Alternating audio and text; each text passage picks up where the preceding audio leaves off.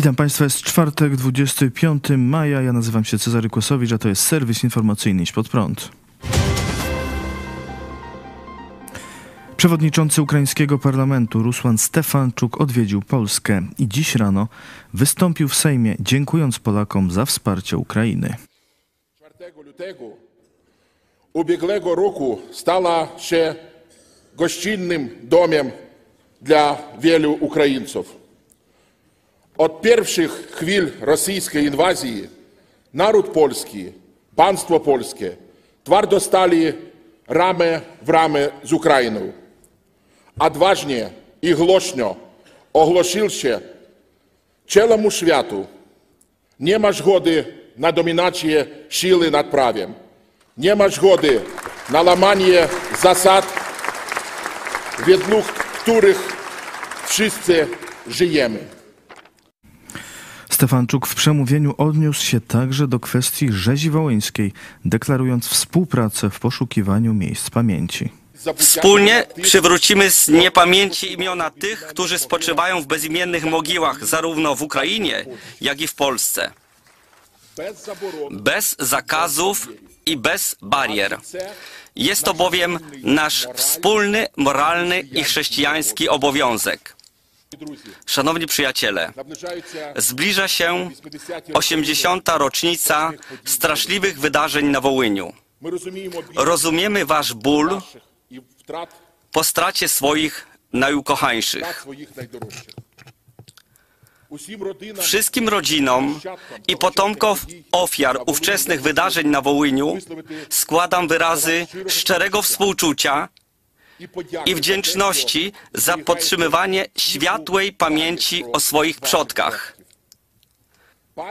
Pamięć, która nie wzywa do zemsty ani nienawiści, ale służy jako ostrzeżenie, że nic takiego nigdy więcej nie powtórzy się między naszymi narodami.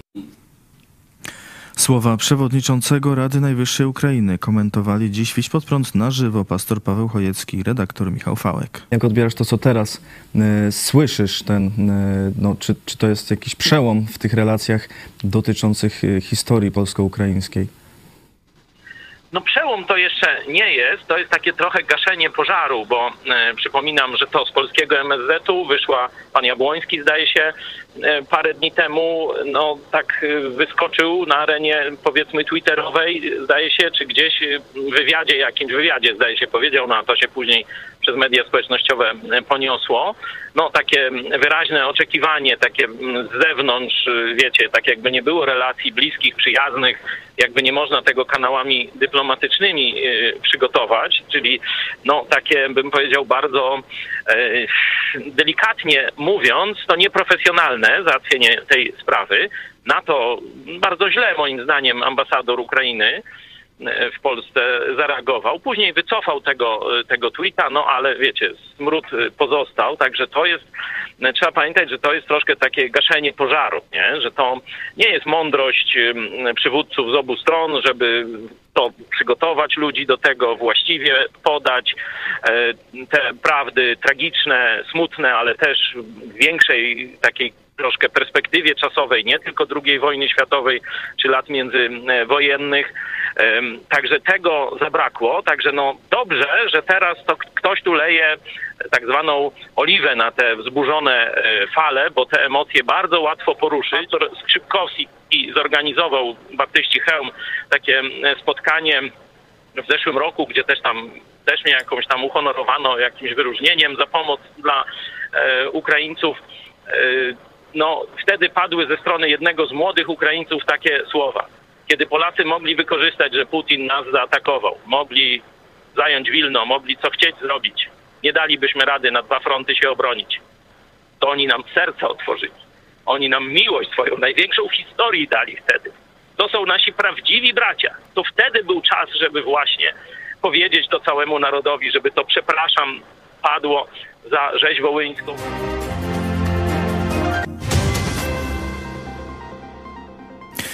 PiS chce zmienić konstytucję. Sejm dyskutował dziś o projekcie zmiany konstytucji autorstwa Prawa i Sprawiedliwości. PiS chciałoby wprowadzić dwie zmiany. Po pierwsze, nie liczyć do konstytucyjnego limitu zadłużenia długów zaciągniętych na cele obronności. Po drugie, dać możliwość konfiskaty majątków obywateli innych państw w razie trwania napaści zbrojnej na Polskę lub napaści na inne państwo powodującej zagrożenie dla Polski. W przypadku, gdy można domniemywać, że majątek ten jest lub może być wykorzystany w jakiejkolwiek części do finansowania lub wspierania napaści zbrojnej. Tak projekt komentował poseł wolnościowców Dobromir Sośnierz. Niedawno pan premier pytał retorycznie w y, Polsacie, czy jeśli dług publiczny spada, a nie rośnie, to znaczy, że on się wymyka spod kontroli? Było 51%, a teraz jest 49%, a w tym roku spadnie do 47%. To czy to jest wymknięcie się spod kontroli? No więc na konto tej świetnej sytuacji finansowej zapowiedzieliście już 800, plus, ale jeszcze echa tych wszystkich mądrości nie ucichły, a już w Sejmie pojawił się projekt zmiany konstytucji wyciągający o dziwo bezpieczniki z systemu finansowego, bo projekt postuluje, żebyśmy się umówili wszyscy, że będziemy udawać, że dług zaciągany na, mili- na cele militarne to nie jest dług. Nie dość, że głupie, to jeszcze przecież niepotrzebne, bo sytuacja ekonomiczna jest przecież znakomita, zadłużenie w relacji do PKB spada. To po co podnosić tą poprzeczkę, dopuszczalną granicę, skoro się właśnie od niej oddalamy, jak powiedział premier? Ano może dlatego, że to jednak są wszystko bzdury, prawda? Może dlatego, że zadłużenie mamy znacznie większe niż pan premier przyznaje, tylko co chwilę uznajemy, że coś się nie liczy. Gdybyście sobie nie kupowali wyborców za ich własne pieniądze uporczywie, to byście nie musieli udawać, że wydatki na obronność się teraz nie liczą. Otóż liczą się.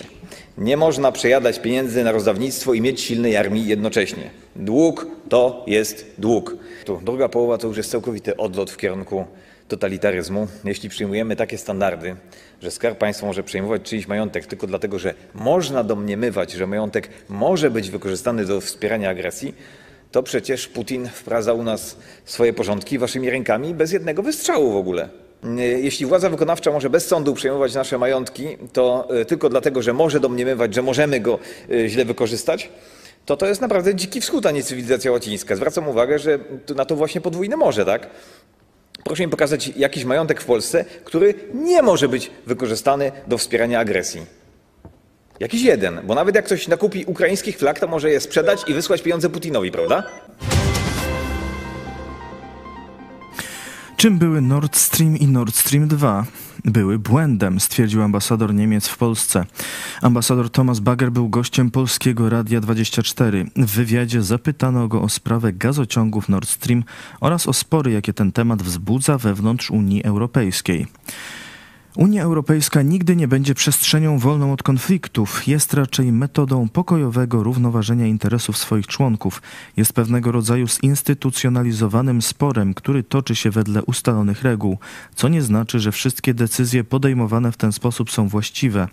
Jestem ostatnim, który by stwierdził, że Niemcy podejmowali zawsze właściwe decyzje. Nord Stream 2, ale i Nord Stream 1 były błędem, powiedział niemiecki ambasador. Jego wypowiedź komentowali dziś pastor Paweł Chojecki i redaktor Michał Fałek w programie Idź pod prąd na żywo.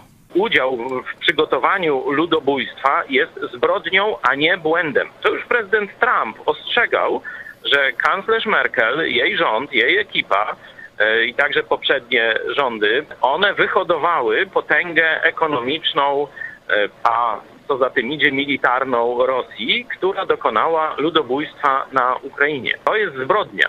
Za to Niemcy powinny być rozliczone. Powinny zapłacić w dużej części za naprawę krzywd. Owszem, Rosja musi za wszystko zapłacić, ale jeszcze jakąś nawiązkę dla Ukrainy powinny dać Niemcy za wyhodowanie Putina. Jakaś presja już jest wywierana na Niemcy, bo zaczynają mówić mm, elementy prawdy, ale to nie jest błąd. To jest zbrodnia i trzeba ich przymusić do tego, żeby tę zbrodnię nazwali po imieniu. Niemcy mają naprawdę bogate tradycje w tym, żeby się wyłgać od odpowiedzialności za swoje tak zwane błędy, a tak naprawdę zbrodnie lub współpractwo w zbrodniach. Ta wypowiedź to raczej moim zdaniem wpisuje się właśnie w to ocieplanie wizerunku Niemiec w obliczu zwycięstwa Ukrainy nad Rosją. Wiadomo, Niemcy chcą zasiąść do stołu zwycięzców no to teraz mo mogą właśnie takie gesty robić. Pamiętamy, jaki spór wywołał w ubiegłym roku podręcznik do HIT, czyli nowego przedmiotu Historia i teraźniejszość. Od września do szkół ma trafić jego druga część. Minister Edukacji już zapowiada kolejną burzę. Tak e, Przemysław Czarnek mówił w telewizji Republika. We wrześniu z całą pewnością czeka nas kolejny krzyk, dlatego że będzie druga klasa historii i teraźniejszości i to obejmująca lata od 1980 do 2015 roku, czyli bohaterami historii i teraźniejszości będą obecni politycy lewicy, Platformy Obywatelskiej czy PSL-u. Na pewno spotka się to z wielkim krzykiem. Pytanie, czy w takim razie nie będzie nic o politykach PiSu. Słowacja czasowo przywraca kontrole graniczne. Od 24 maja do 8 czerwca przy wjeździe na Słowację będzie obowiązywała kontrola graniczna. Konieczne jest posiadanie dowodu osobistego lub paszportu. Dokumenty muszą mieć ze sobą zarówno osoby dorosłe, jak i dzieci. Kontrole graniczne trzeba przejść nie tylko na lądowych przejściach granicznych, ale także na lotniskach. Przekraczanie granic do 8 czerwca będzie możliwe tylko w wyznaczonych miejscach. Decyzja tłumaczona jest tym, że Słowacja będzie w tym okresie gospodarzem kilku wydarzeń politycznych, artystycznych i sportowych, innymi Międzynarodowej Konferencji Bezpieczeństwa Globsec 2023 Bratysława. W związku z tym spodziewane są wizyty wielu polityków, w tym prezydenta Francji Emmanuela Macrona. To wszystko w tym wydaniu serwisu. Kolejny serwis jutro o 17, a jeszcze dziś o 18 w dogrywce rozmowy z członkami chóru Moody Bible Institute. Zapraszam, do zobaczenia.